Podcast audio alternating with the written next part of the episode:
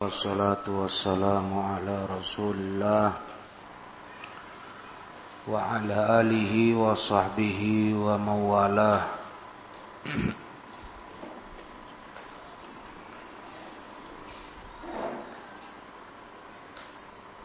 Melanjutkan pelajaran kita surah Al-Ahzab.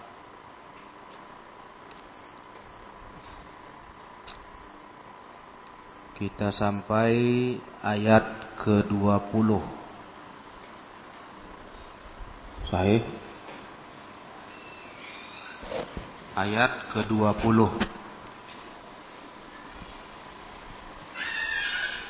Masih kita berbicara tentang perang Ahzab atau perang Khandaq.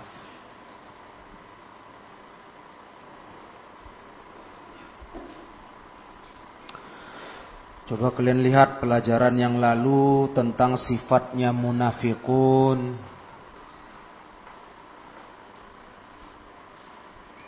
Yang begitu stres kalau dapat kabar yang menakutkan. Stres. Sampai matanya kayak orang mau mati terbalik. Itu kan orang stres itu. Saking penakutnya.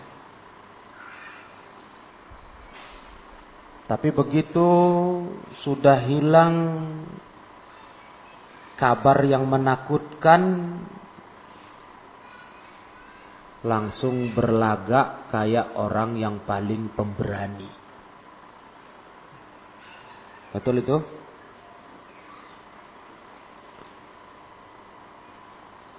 Jadi besar cakap.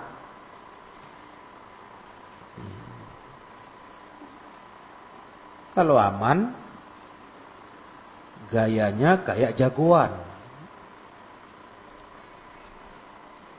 Di alsinatin hidat. Ngomongnya tajam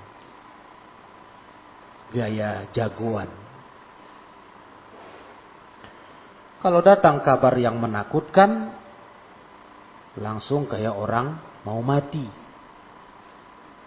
Mati ketakutan.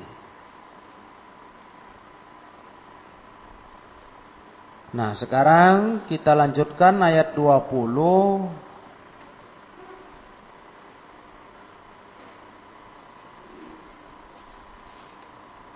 Qala Allah Ta'ala yahsabunal ahzaba lam yadhhabu. Mereka mengira pasukan musuh yang berkumpul itu koalisi itu belum pergi. Dikira mereka musuhnya masih ada, ngepung Padahal udah pergi. Itu karena penakutnya mereka. Padahal mereka para musyrikin Yahudi sudah lari. Diporak-porandakan oleh angin. Nah, diterjang angin kencang. Jadi kocar kacir pasukan musyrikin gabungan itu mundur lari. Dikira orang munafikin belum pergi. Nah. Wa iyyatil ahzabu yawaddu law annahum baduna fil a'rabi yas'aluna an, an ambaikum. Andai kata pasukan itu datang lagi Ya. Andai kata ini. Setelah pergi datang lagi. Ya waddu law annahum baduna fil a'rab. Mereka kepinginnya. Munafikun itu kepinginnya mereka semua berada di kampung-kampung pedesaan-pedesaan orang Badui. Di gunung-gunung. Mengungsi Itulah kepinginnya mereka. Kalau datang lagi pasukan gabungan musuh. Nah, ini lihat, perhatikan kalian nih. Jiwa penakutnya luar biasa. Yas'aluna an ambaikum. Mereka maunya cuma bertanya-tanya tentang kabar kalian. Hei kaum mukminin. Munafikun tuh begitu maunya. Nguping. Dengar-dengar kabar. Gimana orang Islam? Kalah apa menang? Nah, gitu aja maunya. Memantau istilah orang. Penonton. Jadi penonton setia. Mendekata balik lagi pasukan musuh gabungan tadi menyerang balik ke kota Madinah, mereka sangat ingin mereka lari ke gunung-gunung tempat Arab Badui. Takut tinggal di kota. Lari ke pinggir-pinggir. Cuma mau mencari kabar berita saja. Penakutnya lah begitu. Jadi istilah orang jadi penonton aja, nggak mau ikut main, perang. Begitulah mereka. Walau kanu fikum ma qatalu illa qalila. Kata Allah, kalau mereka munafikun itu betul-betul ada di tengah kalian, ikut sama kalian, mereka nggak akan mau berperang kecuali sedikit sekali. Artinya memang gak ada guna orang-orang itu. Munafikun itu gak ada guna. Gak akan mereka mau ikut perang. Walaupun dia gabung sama pasukan Rasulullah Sallallahu Alaihi Wasallam.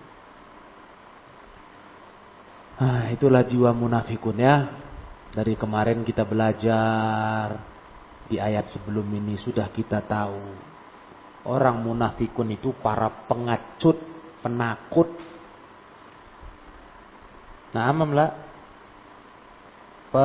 pengecut, penakut, besar cakap, ya, besar ngomong, besar bicara,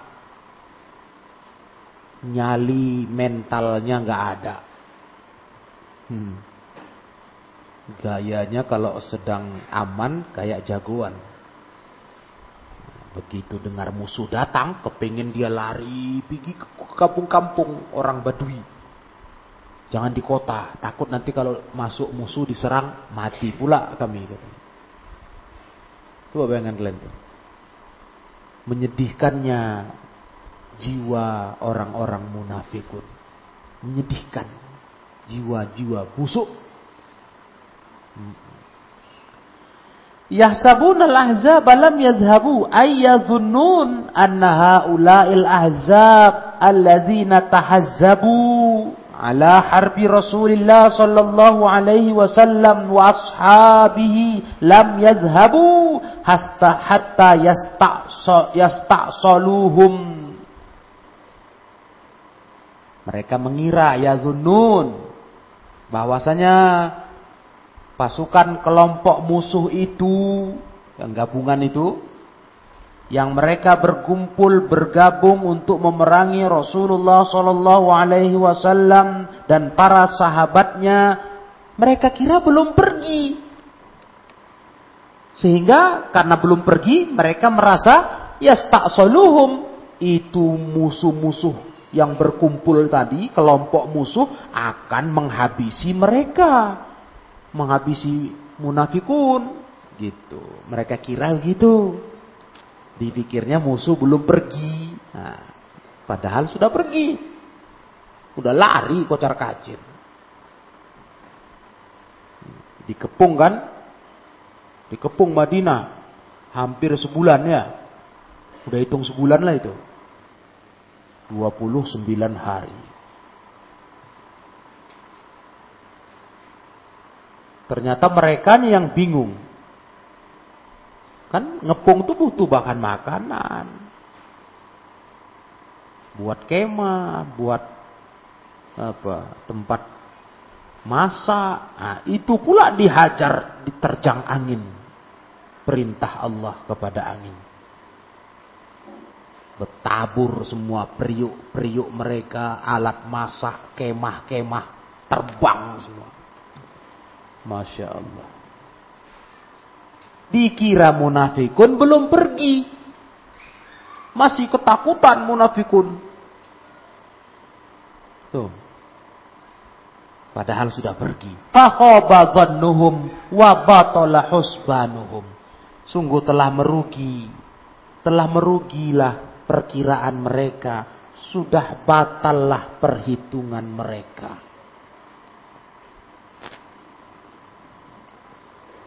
Berarti apa? Berarti mereka salah kira ya, salah praduga. Dibayangkan mereka pasukan gabungan musuh masih ada. Masih menunggu, masih ngepok. Matilah kita ini, oh, gelisah. Begitulah jiwa munafikun. Allahul musta'an. Ternyata lama-lama mereka tahu, oh udah pergi rupanya, baru lega dia. Waktu musuh masih ada, dan menurut pikirannya masih ada, itu gelisah. Gelisah. Itu yang kata Allah tadi ya, di dalam ayat sebelumnya. Gelisah. Resah. Ya. Kayak orang mau mati. Oh, matanya terbalik-balik.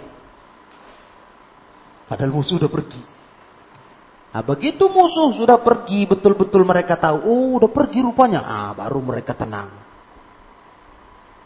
Malah-malah mereka itu kata Allah, kalaulah datang lagi pasukan berikutnya wa ayyatil ahzabu marratan ukhra.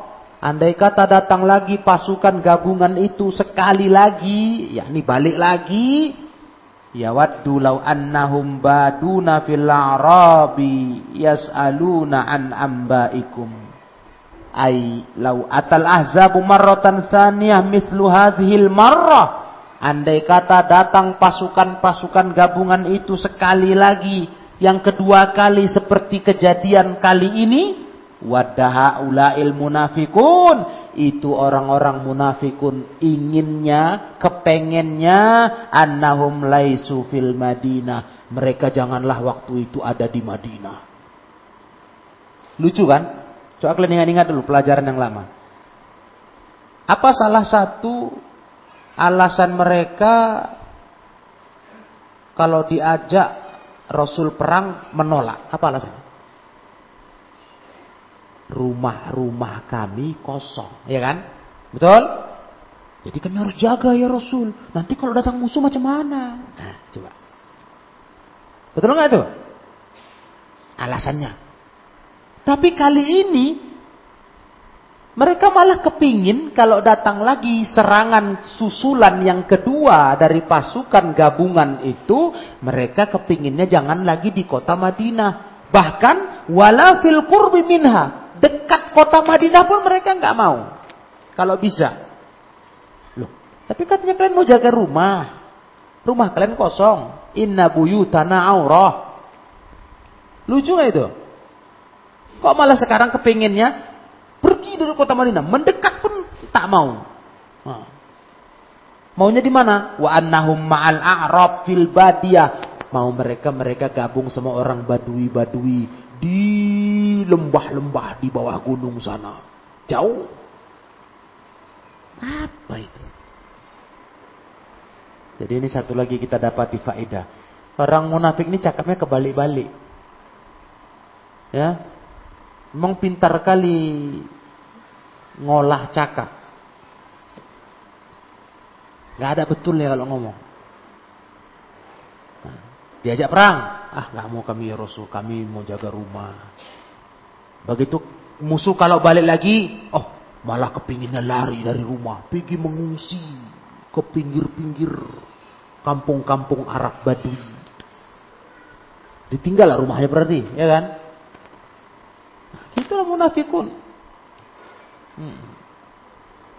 Saking penakutnya itu, mereka nggak mau lagi tinggal di Madinah kalau musuh datang yang kedua kali. Bagusan ngungsi, ngungsi ke pinggir-pinggir kampung Arab Badui, Yastakhbiruna an akhbarikum. Mereka mau hanya cari berita tentang kabar kalian. Itu aja mau mereka. Nguping cari berita. Was'aluna an ambaikum, nanya-tanya tentang kabar kalian. Maza hasala alaikum, apa yang terjadi atas kalian? Menang apa kalah? Jadi cuma mau mantau kata orang. Ya, mau mantau, nggak mau ikut berjuang. Maunya nonton, nengok aja. Menang kalah, menang kalah orang-orang Islam ini. Sahabat-sahabat Rasul, menang kalah Cuma maunya itu. Begitulah tingkahnya munafikun. Makanya kata Syekh Fataban lahum wa bu'dan. Maka celakalah mereka. Sungguh jauh mereka semuanya dari rahmat Allah. Tabban lahum wa bu'dan. Falaisu mimman yubali bihudurihim. Mereka bukan orang-orang yang diharapkan kehadirannya. Ada. Mereka itu memang nggak dihitung lah. Ada kata orang apa istilahnya? Wujudu ka'adami. So artinya? Adanya kayak nggak ada. Ada dianggap nggak ada. Itulah munafikun. Nggak dianggap, nggak diharap. Memang ada tapi nggak diharap. Nah, itu mereka. Orang yang ada tapi nggak usah dianggap ada. Itulah yang Rasulullah dapatkan pelajaran dari Allah. Jadi munafikun itu nggak usah dipandang. Mereka nggak ikut perang, mereka nggak mau gabung, udah nggak usah, nggak usah di, dianggap itu sudah. Iya, anggap aja kayak nggak ada mereka. Karena kalaupun mereka bergabung, Walau kanu fikum ma qatalu illa qalila. Karena kalaupun mereka gabung dengan kalian, mereka nggak akan mau perang kecuali sedikit sekali. Istilahnya nyakitin hati.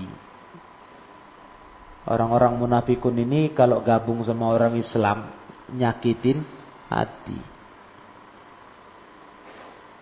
ada tapi nggak guna gitu. Paham tuh? Ada tapi nggak guna. Rame tapi nggak bikin semangat. Munafikun itu. Dia ngeramein betul. Wah, misalnya kita mau perang nih. Kita punya pasukan, bawa pasukan seribu orang. Tiga ratusnya munafik. Kalau mereka nggak ikut jadinya berapa kita? 700 kan? So? Kalau mereka ikut 1000. Nah, kan lumayan kalau mereka ikut. Tapi nggak ada guna, nggak nambah semangat. Itulah munafikun itu. Jadi ngapain untuk diharap mereka ikut? Hadir pun mereka ikut perang, mereka nggak akan mau perang. Yang maunya apa kerjanya? Ngembosin orang pengaruhin orang. Ayo kita pulang aja. Kita jaga rumah aja. Macam-macam mau ngomongnya. Nah, inilah dia. Nah, fala tubaluhum. Maka kata Syekh, jangan kau hai Nabi Muhammad wasallam peduli sama mereka. Enggak usah peduli lah sudah. Wala ta'sau alaihim. Jangan putus asa atas mereka. Enggak ada mereka enggak apa-apa. Ya? Hmm. Enggak ada mereka enggak Gak apa-apa. Karena gak ada gunanya sih. Ada pun mereka guna. Walaupun kayaknya kesannya menambah jumlah. Iyalah. Jadi seribu kalau tujuh ratus tambah tiga ratus kan itu. Lumayan tuh kan. Tapi untuk apa? Kalau mereka sendiri gak akan bisa digunakan berperang. Mereka gak akan mau perang. Ma qatalu illa qalila. Mereka gak mau perang kecuali sedikit. Lebih banyak menggembosi, mempengaruhi buruk. Untuk apa? Untuk apa mereka? Begitulah Allah menghibur Rasulullah Sallallahu Alaihi Wasallam menghadapi orang munafikun. Karena kalau dituruti secara apa ya secara selera kita ya kepengennya mereka gabunglah rami. Kan mantap tuh kalau rami. Lebih semangat harusnya kan, banyak kawan. Tapi kalau yang bikin rami itu munafikun, nggak guna. Jadi kalau mereka lari, hei Rasulullah, kamu jangan sedih, jangan bingung, jangan galau. Nggak ada apa-apanya mereka itu. Malah mereka itu bikin rusak. Kalaupun gabung bikin rusak. Jadi nggak usah sedih. Nah, ya kan? Pengerusak coba lah. Kalau kita ada misalnya bekawan 10 orang. Ya, 10 orang. Pergi dua kawanmu. Tinggal kalian 8 orang. Kan berkurang jumlah. Sedih rasanya. Ya kan? Normalnya kan begitu. Tapi kalau ternyata yang dua orang ini, jika dia tetap sama kalian, jadi bersepuluh kalian. Tapi yang dua ini kerjanya merusak saja. Ah, yang mengganggu kawan, yang mempengaruhi kawan buruk, yang buruk-buruk. Nah coba. Untung nggak kalian dia yang dua ini ikut? Rugi. Jadi bagusnya udah pergilah nggak usah ikut. Kan gitu. Ngapain kita rame kalau yang dari yang rame itu dua orang itu merusak semangat. Mestinya kalian delapan orang semangat. Semangat untuk bekerja. Datang yang dua ini dilemahkannya kalian. Ah, untuk apa? Capek-capek. Nah, kan gawat ini. Mestinya kita semangat kerja rame-rame gara-gara ada dua orang ini membuat kita lemah, malas. Paham semua? Nah, jadi Rasulullah dihibur Allah, nggak usah peduli sama mereka, walaupun mereka jumlahnya lumayan lah. Nah, biar aja. Gabung pun mereka sama engkau, hai Nabi Muhammad, mereka nggak akan mau perang kecuali sedikit. Jadi nggak usah sedih. Rasul nggak usah sedih. Nengok mereka nggak mau gabung, biar aja. Bagus malah, nggak usah gabung, bagus lagi orang-orang begini, pengerusak ini. Paham tuh? Nah, pengerusak ini, biar aja nggak usah gabung dan nggak usah beban Rasulullah. Begitulah isi ayat yang ke-20. Dah, paham kalian sampai di sini? Ya kan? Nah, jadi Allah ingatkan kita tentang akhlak buruk munafikun lagi. Akhlak para penakut. Yang mana kalau sudah musuh datang ketakutan. Kepinginnya ngungsi pergi jauh-jauh dari kota Madinah karena ketakutan. Dan begitu aman. Oh mereka lah yang paling paten ngomongnya, paling hebat, paling garang, paling jagoan. Maka Allah katakan, laukanu fikum ma qatalu illa qalila. Ya Rasulullah, andai kata mereka gabung sama kalian, nggak ada gunanya. Mereka nggak akan mau perang. Jadi untuk apa diharapkan? Biar aja sudah. Ya kan? Gimana? Jangan hidup ini jadi pengerusak di tengah orang-orang baik. Ingat itu. Keberadaanmu jangan jadi merusak orang-orang baik. Belum bisa kau baik, belum bisa jadi orang baik. Jangan bawa orang lain kepada yang jelek. Begitu harusnya.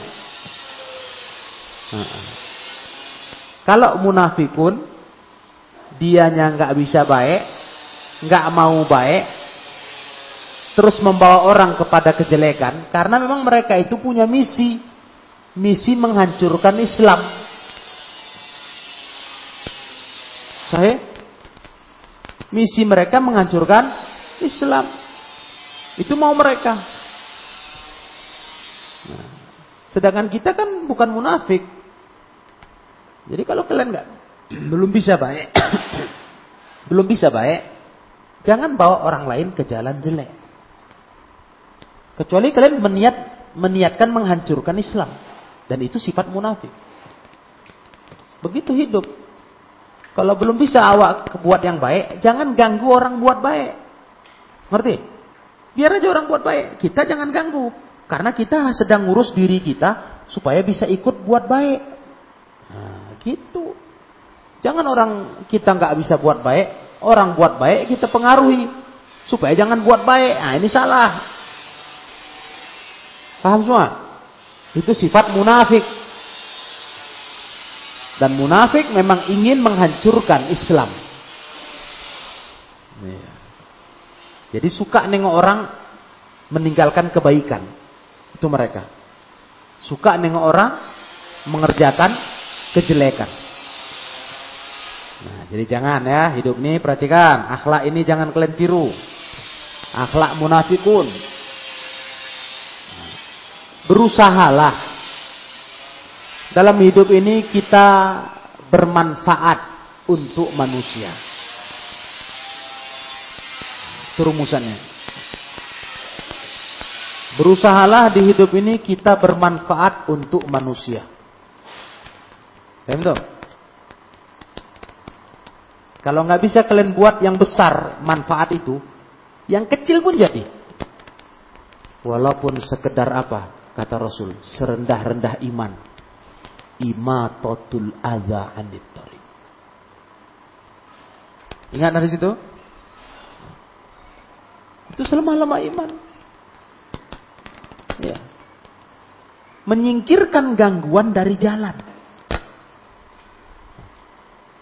Jadi kalau belum bisa kalian buat yang besar, yang kecil pun jadi. Pokoknya hidup ini berusaha jadi yang bermanfaat untuk orang lain. Nah, gitu ya. Dengan cara apa yang dituntunkan syariat. Jangan hidup jadi pengrusak orang lain. Si tukang ngasih pengaruh jelek. Nah, ini gaya munafik. Merusak orang lain. Kita maunya jangan begitu, kita maunya memperbaiki orang lain. Ya, itulah sifat orang beriman. Kemudian ayat yang ke-21, laqad kana lakum fi Rasulillahi uswatun hasanatul liman kana yarjullaha wal yaumal akhir wa dzakarallaha katsira.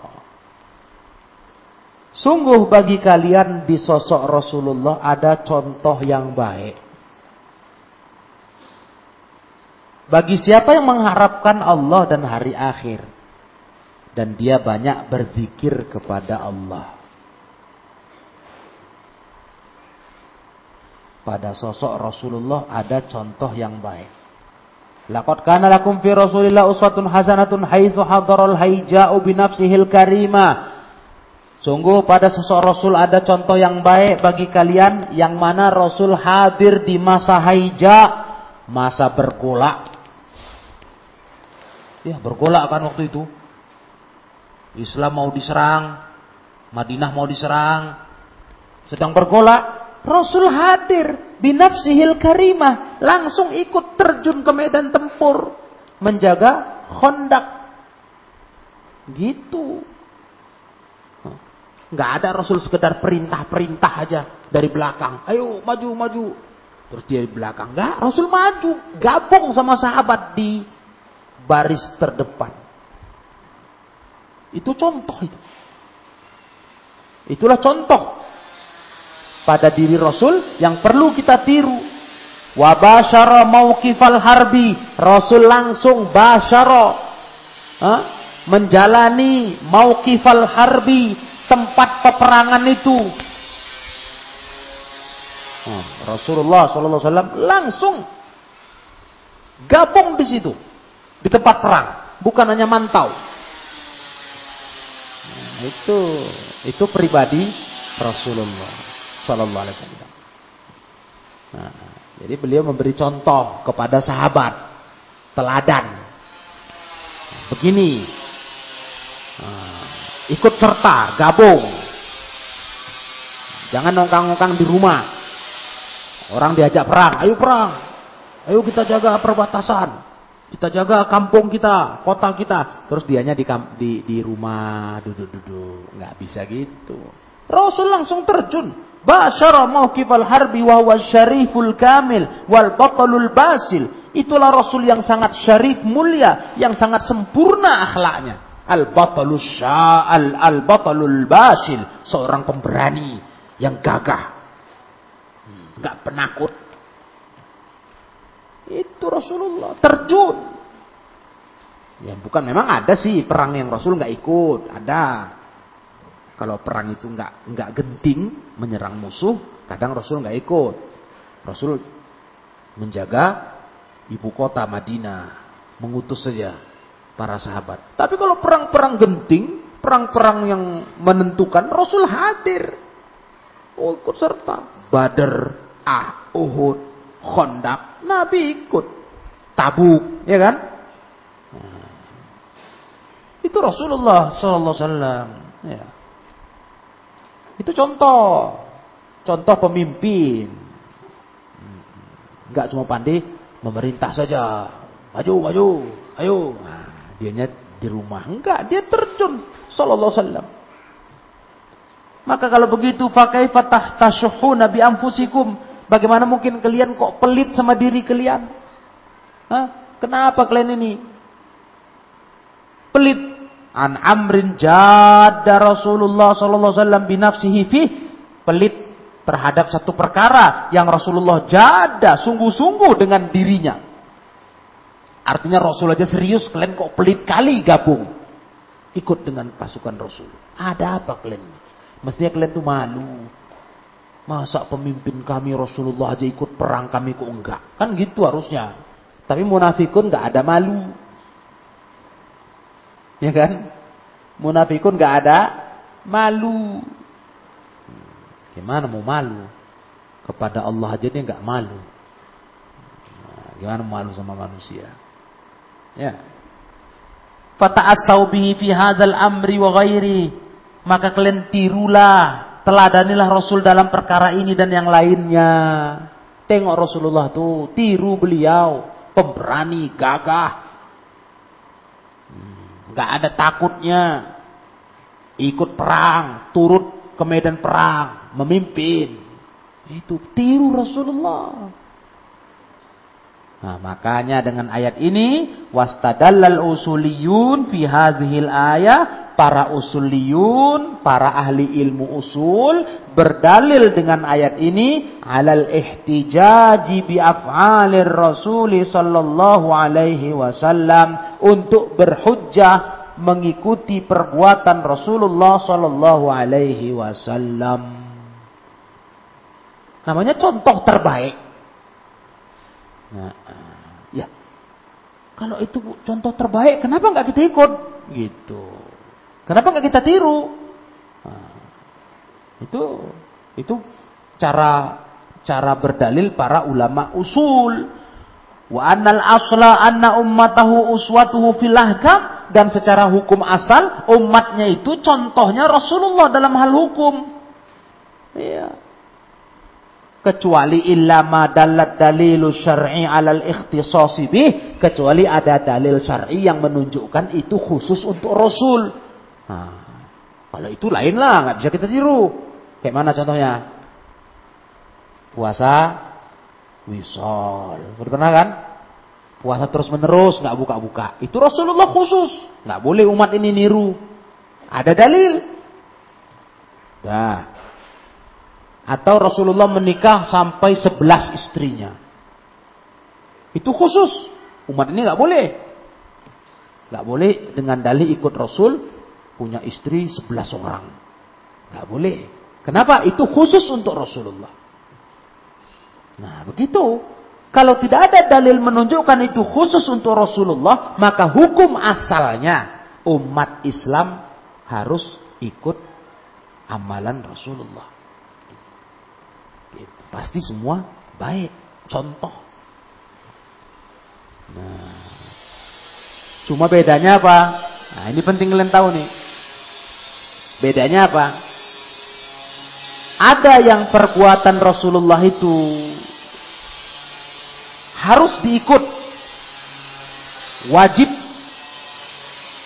karena itu berupa syariat berupa syariat dan ada perbuatan Rasulullah itu nggak wajib diikut. Nggak wajib. Ya. karena itu merupakan urusan e, di luar syariat kebiasaan. Atau istilahnya istilah agamanya jibiliyah. Kebiasaan saja. Adat kata orang. Nah, itu kan kebiasaan. Adat budaya. Nah, ada itu nggak wajib diikut. Cuma meniru yang Rasul buat selalu baik. Itu hukum asalnya. Bedanya antara yang diwajibkan dengan yang tidak. Itu aja. Yang namanya meniru pasti itu baik kalau itu Rasulullah buat. Cuma kalau yang dibuat Rasul merupakan amalan syariat, wajib ditiru. Paham gak itu? Nah, kayak masalah tata cara sholat, itu wajib ditiru. Itu? Nah, tapi ada sifatnya perbuatan Rasul itu merupakan adat saja. Kebiasaan harian. Nah, itu tidak wajib ditiru, tapi tetap menjadi contoh terbaik. Apa contohnya? Yang sering kita bicarakan. Pakaian. Gimana? Paham gak kalian nih? Jangan ada orang berkata, kan tidak wajib. Kok kau beranikan pula bergamis wajib? Lo yang bilang wajib siapa? Mana ada hukum bergamis wajib tuh ngawur tuh. Cuman gamis itu pakaian yang sangat disukai Rasulullah SAW. Sangat disukai Rasulullah. Nah, sedangkan Rasulullah itu di dalam surah Al-Ahzab ayat 21, laqad kana lakum fi Rasulillah uswatun hasanah, contoh terbaik. Sekarang kalau Rasul paling suka gamis, itu enggak contoh terbaik dalam berpakaian. Terbaiklah. Udah berapa kali dikasih tahu. Memang betul dia cuma budaya. Kalau ada orang itu kan budaya Arab, betul. Itu kebiasaan saja pakaian orang Arab. Tapi berhubung Rasulullah sangat suka, berarti ada contoh terbaik dalam pakaian Rasulullah bergamis. Memang tidak ada keharusannya. Tapi kau ragu itu yang terbaik. Hah? Kau ragu itu yang terbaik. Gimana nggak terbaik coba? Ini contoh satu aja nih, gamis tadi. Kau pakai gamis, kau lebih terhalang buat dosa. Timbul malumu dengan pakaian yang baik ini. Ya kan? Ya lah. Ada timbul rasa malu, berat. Kecuali udah nggak ada malu lagi. Nah, lain cerita. Di dalam tas tahi fasna. Kalau normal ada malu lah. Kita jadi malu. Malu kepada buat dosa-dosa. Karena kita pakai pakaian yang mulia. Yang paling disukai Rasul. Secara aurat lebih menutup. nggak membentuk badan. Hmm. Coba. Timbul pula.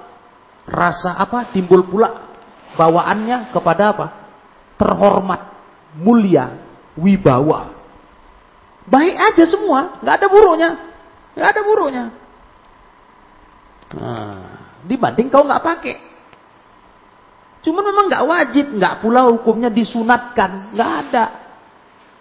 Ulama terangkan ini adalah sebuah pakaian kebiasaan harian saja, budaya zaman itu, Arab sampai sekarang. Tapi berhubung Nabi dalam hadis yang sahih diterangkan sahabat karena habut thiyabi ila Rasulillah sallallahu alaihi wasallam al-qamis adalah pakaian paling dicintai, disukai, disenangi oleh Rasulullah adalah gamis. Berarti ada contoh terbaik di situ. Nah, ngerti kalian? Ngerti semua? Tuh, jadi itu Artinya kalau ada contoh terbaik ngapain ngambil yang lainnya? Ngapain? Memang jangan jangan berdalil dengan kan nggak wajib. Nah, jangan gitulah. Yang bilang wajib siapa? Itu buat hukum baru namanya itu. Kalau ada orang bilang pakai jubah wajib, pakai gamis wajib itu bid'ah itu. Ya kan? Cuma perkaranya pada diri Rasul ada contoh terbaik. Eh, ini tadi. Dan Rasulullah sallallahu wasallam hukum asalnya contoh untuk umatnya dalam segala hukum perilakunya kecuali yang khusus untuk beliau. Lagi pula ya, lagi pula. Apa salahnya? Ah, udah terang tadi yang tadi, hujah tadi. Apa salahnya kalau aku pakai baju yang paling Rasul sukai? Apa salahnya? Itulah bahasa kalian sama, sama diri kalian. Apa salahnya? Apa jeleknya? Kalau aku pakai pakaian yang paling disukai Rasul. Kan gitu. Paham gak ini? Nah, jadi kalian jangan salah ngerti. Komis ini, ini bukanlah wajib. Bukan pula sunat hukumnya. Ini jibiliyah. Kebiasaan harian saja. Sekarang kalau kita meniru sesuatu yang baik, adat yang baik, budaya yang baik, jelek enggak? Jelek. Enggak. Bagus, bagus. Kecuali yang kita tiru tadi adat budaya yang jelek, yang buruk. Nah, misalnya adat budayanya kaum kufar. Ya, yang membuka aurat. Itu kan jelek. Ini yang bagus kok. Di mana jeleknya? Saya kasih tahu. Nah, saya kasih tahu. Ya. Jangan kalian sentimen atau sentimen. Sentimen sama Arab. Sentimen sama Arab. Pokoknya jangan Arab. Nah, itu bahaya.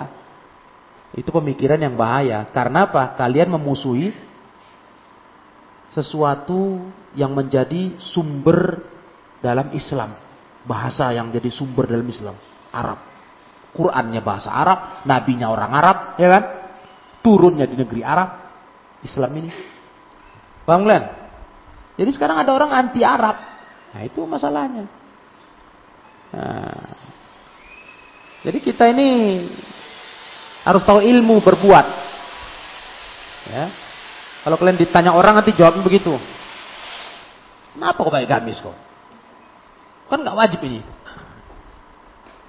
Kalian udah tahu cara jawabnya dengan dalil ini. Mulai aja dengan berkata, di mana salahnya? Ada kok nampak salah pakaianku? Nah, udah, udah nggak ngomong deh kan, nggak bisa jawab. Nah, baru kalian jelaskan cara pikirnya. Gitu. Ada jeleknya, pakaian kuin ada jeleknya. Ada buruknya enggak? Bingung dia. Nah, di mana buruknya? Kasih tahu. Iya, kecuali pakaianku ini enggak enak ditengok, ditengok mata karena buruk kali bahannya, entah pula. Enggak. Ini mahal ini, kena pula haromen. Wah, baju kemeja kau murah kali tuh. Biar tahu kau setengah juta bilang. Ada baju kemeja kau setengah juta bilang. Satu setel mas sempak kau nggak sampai segitu. Bilang. Jangan sepele kau bilang. Kecuali jelek kau tengok buruk, busuk, menjijikan entah pula kau protes. Apa buruknya? Nah, baru kau jelaskan. Ah ditambah, hei kau, ini pakaian yang paling disukai Nabi. Inilah modelnya. Model begini nih komis. Nah, paling disukai Nabi. Masa masa kau nggak nggak kepingin kau, nggak bangga meniru Nabi. Walaupun nggak hukumnya nggak ada wajibnya, nggak ada sunatnya. Iya. Ini baju kesenangan Nabi loh. Ngerti kalian?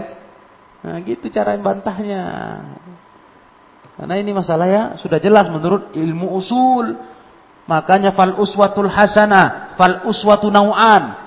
Namanya uswah, panutan, contoh ada dua macam. Uswatun hasanah wa uswatun sayyi'ah. Ada contoh baik, ada contoh jelek. Namanya contoh itu ada dua. Fal uswatul hasanah fi Rasul sallallahu alaihi wasallam fa innal muta'assibi salakat tariqal musil ila karamatillah wa huwa siratul mustaqim. Contoh yang baik itu ada pada Rasulullah sallallahu alaihi wasallam. Orang yang muta'assibi yang menirunya dia telah menempuh jalan yang mengantarkan kepada kemuliaan Allah, yaitu jalan yang lurus. Karena Rasulullah itu utusan Allah. Maka ketika kita meniru Rasulullah, berarti kita menempuh jalan yang mengantar kepada Allah. Kan gitu. Ya. Rasul kan sosok yang paling mulia, manusia paling mulia. Paling mulia. Paling istimewa. Sayyidu wali waladi Adam. Tuan anak Adam.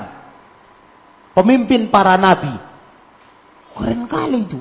Kedudukan Rasul itu wow, luar biasa. Seharusnya ya kalau gaya orang sekarang yang suka niru-niru artis, niru penyanyi, niru pemain film, mestinya mereka lebih mau niru Rasul. Kenapa? Soal ketenaran, kehebatan, oh, keterkenalan, kebesaran, Rasul lah nomor satu. Baik dari sisi dunia saja pun, di dunia ini siapa paling terkenal? Huh? Yang namanya luar biasa, hebat, agung, istimewa. Rasulullah. Nah, kalian cuma niru artis saja lah Udah bangga kali. Oh. Sekarang ini kalau udah lagi viral ini, ada seorang yang lagi viral, udah langsung dimanfaatkan tuh jadi fashion bajunya. Wah. Ustadz yang kalau ustadz tuh kalau ustadz nih ustadz ini viral ini. Nah, sekarang bajunya dibuatlah baju ustadz Anu. Oh, topi ustadz Anu. aduh, aduh, aduh, aduh. Ampun sudah. Hah? Datang orang kita, beli pula tuh. Kepengen kali dia karena Ustadz Anu terkenal. Oh, topi Ustadz Anu pakai dengan bangga yang di kaca. Hmm. Logikanya itu aja kalian bisa bangga. Taruhlah dia masih manusia yang yang nggak di kelas dosanya lah yang kalian kagumi. Masih kelas biasa lah. Seorang orang terkenal, ustadz. Lah bagaimana kalau yang kalian kagumi yang busuk-busuk itu, yang tak tahu cebok, tak tahu mandi janabat, kencing, ser, dah pakai celana dia. Kan itu orang kafir, iya kan? Kalian pikir kafir itu cebok? Artis, walaupun dia artis dunia. Mana ngerti dia beristinja. Hah? Mana ngerti dia? Iya. Janabat lagi, ah mana tahu dia mandi. Mandi junub mana tahu dia. Mandi itu untuk seger aja. Artinya manusia yang na'udzubillah. Semua halal, mabuk halal, zina halal, judi halal, narkoba halal. Kalian tiru. Ke mana lah kalian ini, hei anak-anak orang Islam bilang. Hei orang-orang Islam. Itu aja kalian merasa wajar ditiru karena dia terkenal, dia penyanyi terkenal, penyanyi luar negeri, Amerika, rock, rock and roll. Oh, yang kayak orang gila. Nah, itu aja, itu aja bangga. Terus gaya rambut ditiru, gaya baju. Macam orang gila bangga. Tiba kita kayak Rasul di eje-eje, ah, nggak ada otak. Nah kalian jangan pula didengar itu. Hah? Orang yang kayak gitu menilai kalian, menyoroti kalian, jangan dipandang. Namanya orang nggak berkelas. Hah. Nggak berkelas. Ngapain didengar cakapnya? Mau mereka aku kayak orang barat-barat itu apa? Nah, mereka nggak suka nengok aku kayak Rasulullah. Nggak nah, suka nengok aku solih. Ya, ngapain diurusi orang-orang begitu? Nah, senangnya dia kita kayak orang gila itu. Penyanyi-penyanyi gila itu senang deh. Ya kan? Nah, itu senang. Pasang tatu-tatu. Pakai rambut cat sebelah biru, sebelah kuning. Itu kalian tiru? Hah? Pasang anting-anting. Kayak anak-anak pinggir jalan itu. Hah? Hidung pasang. Aduh. Jangan dipikirkan mau mereka itu ya tulab. Mereka itu kelasnya bukan kelas kalian dalam penilaian. Ya kan? Nah, jadi kalau yang gitu-gitu nyoroti kita ketawa aja. Enggak level itu. Enggak kelas. Nah. Wa ammal uswatu bi ghairi idza khalafahu fa uswatu sayyi'ah. Adapun contoh yang buruk, contoh dengan orang lain, kalau menyelisihinya itu namanya contoh yang buruk, yakni menyelisihi yang baik. Berarti itu contoh buruk. Orang jelek, orang berdosa, orang ah yang jauh dari agama, mencontoh mereka itu contoh yang buruk. Seperti kaqaulil kuffar hina da'athumur rusulu lit bihim Ucapan orang kafir ketika diajak para rasul untuk meniru mereka. Apa kata para kafir-kafir itu? Inna wajadna aba'ana ala ummati wa inna ala asarihim muhtadun. Nah, kata mereka apa? Kami dapati bapak-bapak moyang kami dengan amalan ini kami atas jejak mereka kami mengikut saja. Ah. Tengoklah niru bapak moyang yang jelek. Itu contoh yang jelek namanya. Bapak moyangnya nyembah berhala. Nyembah patung. Ditiru. Itu contoh yang jelek. Jangan ditiru. Ngerti kan? Yang baik-baik tiru. Yang jelek itu tinggalkan. Jangan diteruskan, jangan jadi jadi apa? Jadi ke kebiasaan yang berlanjut. Stop. Banyak ini di hidup kita sekarang ini banyak. Masyarakat kita ini banyak terkena keyakinan orang niru orang tua-tua dulu katanya. Nah, entah apa-apa itu. Ada yang kesyirikan, ada kebidahan, ada khurafat, ya kan? Nah, itu jangan ditiru lah, jangan diteruskan, stop.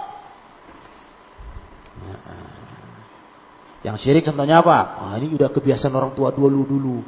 Dari dulu dulu gitu kami tengok diajarkan. Anak kecil itu dikasih jimat. Di leher, di kaki, di tangan.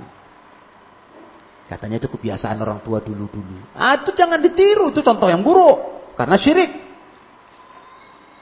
Atau diyakini biar anak kecil jangan diganggu setan, nah, peniti di bawah bantalnya, gunting. Khurafat itu namanya keyakinan yang bohong. Jangan ditiru. Ya, tapi orang tua-tua dulu gitu. Itu salah. Itu jangan dicontoh. Itu keyakinan hurufat. Macam mana pula gunting peniti ngusir setan? Ngawur aja. Ya kan? Nah. Atau pasang bambu kuning di rumahmu biar jangan masuk uh, apa setan. Nah. Jangan ditiru. Walaupun katanya orang tua-tua dulu begitu. Eh, nggak laku sama kita yang contoh buruk, buang. Nah, ngerti kalian nih? Pokoknya kalau contoh buruk bertentangan sama agama, tinggalkan itu contoh jelek, jangan ditiru. Banyak itu di hidup masyarakat ini banyak dalihnya orang tua tua dulu. Ada yang bid'ah.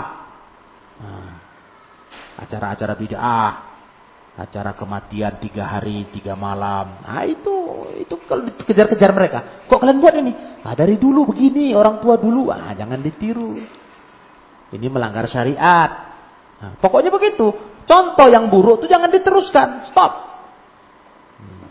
yang nggak ada dalilnya di agama atau malah menentang agama tinggalkan jangan diteruskan nggak boleh yang boleh kalian teruskan contoh yang baik. Siapa? Dari siapa kita ambil contoh baik? Dari Rasulullah sallallahu alaihi wasallam. Ah, itu dia harusnya.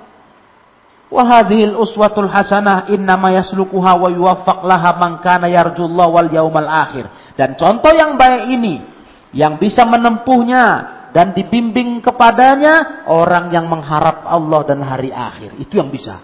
Nah, itu pula dia.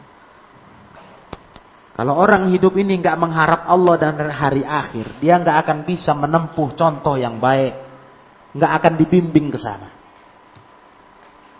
Memang rata-rata kalau kita perhatikan orang yang nggak dibimbing mengambil keteladanan hidup Rasul itu biasanya memang orang yang Kayak nggak punya program akhirat.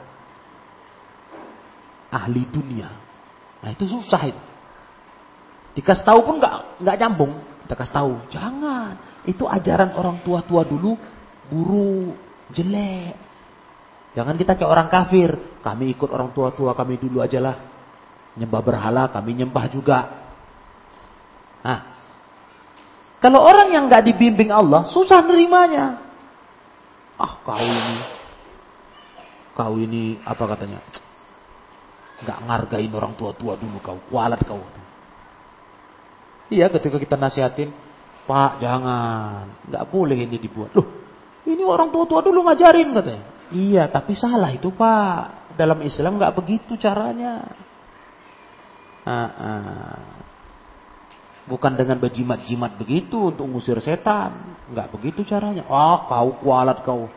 Nggak tahu diri kau nggak ngargain orang tua-tua. Sok pintar kau. Iya. Itu biasa itu di masyarakat. Masih berpegang dengan peninggalan ajaran orang tua-tua dulu. Padahal kalau ajaran itu jelek, itu contoh yang buruk. Tinggalkan. Paham dong? Kalau mau selamat, ambil contoh yang baik. Contoh yang baik. Ada kok. Kok ngambil yang buruk? Ngapain pakai jimat kalau mau takut anak kecil diganggu setan? Kayak mana cara Rasul jaga anak kecil? Ada kok contoh yang baik. Nah. Itu mereka, itu makanya tadi kita bilang, biasanya orang yang nggak dibimbing kepada contoh yang baik, biasanya apa? Orang memang nggak punya hati ke akhirat, jadi nggak nyambung, nggak nyambung itu. Nah, jadi kalau kita tawarkan ke mereka, ini pak, kalau mau anakmu jangan diganggu setan. Di rumah tuh baca ayat baca Al-Baqarah. Ah, baca Al-Baqarah pak, sampai tamat. Nanti setan gak masuk rumahmu, anakmu dijaga Allah. Ah, payah kali katanya. Ah, payah kali baca Al-Baqarah. Awak Al-Fatihah aja gak pernah tamat katanya. Kau suruh baca Al-Baqarah. Tak pandai pun aku baca Quran katanya. Nah, Repot kali. Awak sibuk kalau dibaca baca Quran. Aku sibuk katanya. Mana ada waktuku baca itu? Nah, kalau jimat kan gampang, tinggal minta membah dukun pasang siap udah. Iya. Itu kalau nggak dibimbing.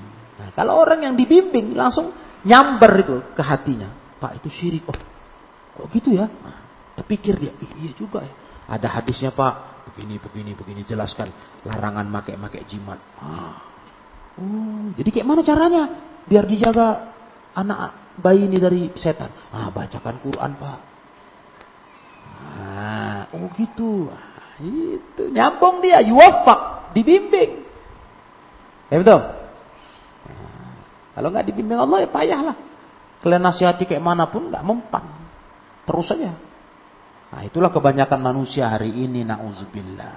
Nah, fa inna ma ma'ahu minal iman wa khaufillah wa raja'i thawabi wa khaufi iqabi yahussuhu 'ala ta'assi bir Rasul sallallahu wasallam. Karena iman yang ada pada orang itu, rasa takut kepada Allah, rasa harap pahala dari Allah, rasa takut hukuman Allah, itu menganjurkan dia, mengajak dia untuk meniru Rasulullah Sallallahu Alaihi Wasallam.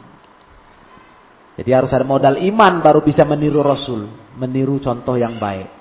Apa itu modalnya? Itu rasa takut kepada Allah, mengharap pahala, takut akan siksa. Itu yang akan yahutsuhu mendorong dia meniru Rasulullah Sallallahu Alaihi Wasallam. Kalau nggak ada program itu, nggak ada program takut Allah, otaknya nggak diisi dengan mengharap pahala, takut hukuman siksa, mana ada mau mau bisa diajak niru Rasul? Mana ada? Mau dia. Karena otaknya nggak ada isinya, nggak ada iman, dadanya kosong. Nah, jadi kalau orang beriman itu nampak, ditunjukkan dia contoh Nabi,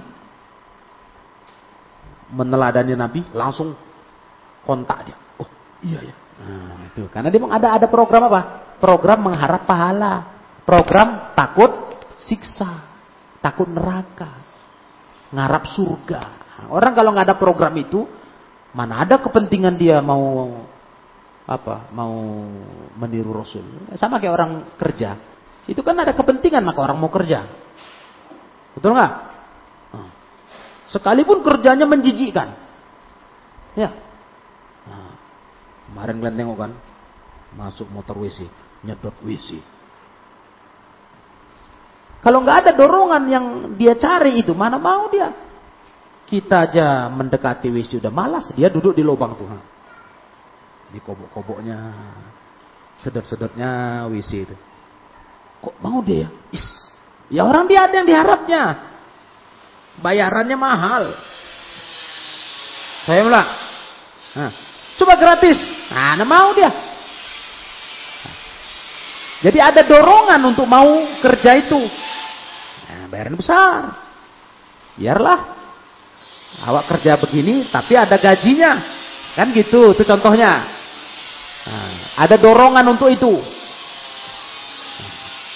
Itu sifat pekerjaan yang agak menjijikkan lah. Ada sifat kerjaannya membahayakan. Membahayakan. Resikonya tinggi. Manjat, masang listrik di atas tower. Uh, Masya Allah. Walaupun pakai pengaman. Bayangan kalian tuh. Tiang tower yang menghubungkan listrik antar kota. Itu dipasang manual itu, bukan pakai alat.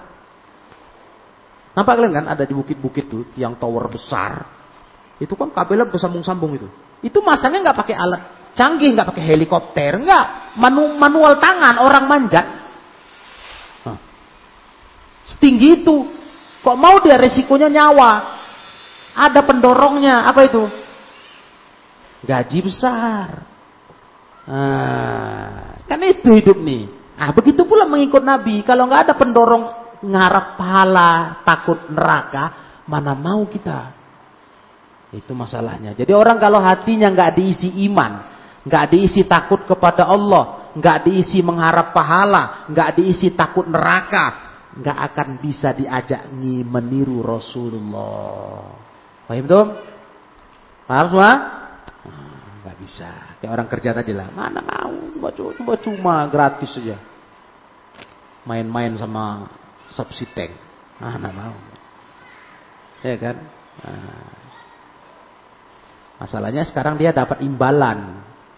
Baik imbalan itu berupa duit atau memang imbalannya kalau dia yang punya rumah ya WC-nya nggak nggak macet lagi. Nah, itu imbalannya, nyaman dia. Bisa dipakai lagi macam kalian lah kan. Ya kan? Betul?